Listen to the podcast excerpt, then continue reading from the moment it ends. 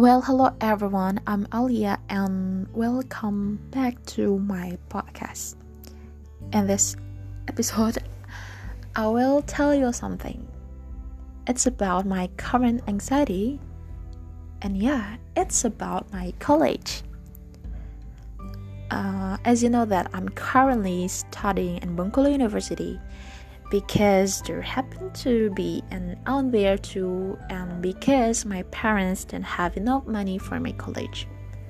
Long story short, I live with my aunt there and there I felt unhappy and did not enjoy because I felt quite oppressed there. My aunt is kind of strict person so I have to follow all the rules and of course the rules of the family anyway.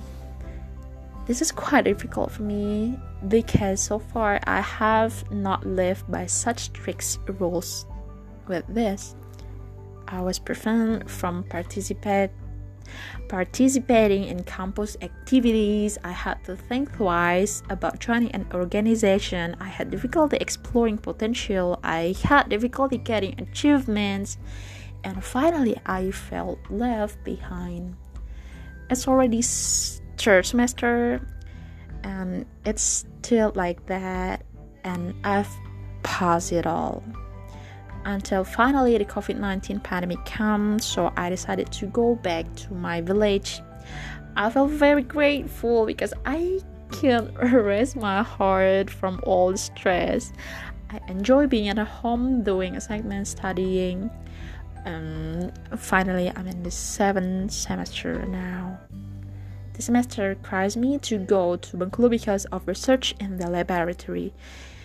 In my heart, honestly, I said that I no longer want to be at my own place. I want to live alone in my own boarding house and I want to spend the final year having fun with my friends, enjoying the beauty of Bengkulu and completing my thesis without pressure and obstacles. But the problem is my grandmother doesn't allow me to live alone for some reason. I'm afraid to go because right now she's sick. Just to prepare, I start asking my friends about the boarding house there. Um, they're around 4 million and it can be for two. And yeah, it's kind of um, good news for me. Uh, and now the problem is only my grandmother's blessing to let me live alone because my supervisor said to start research in the laboratory, just waiting for me to arrive in Bengkulu. So, what about my friends? They have come to Bengkulu. but yeah, I hope all my plans are eased. Amin. Ya Rabbal Alamin.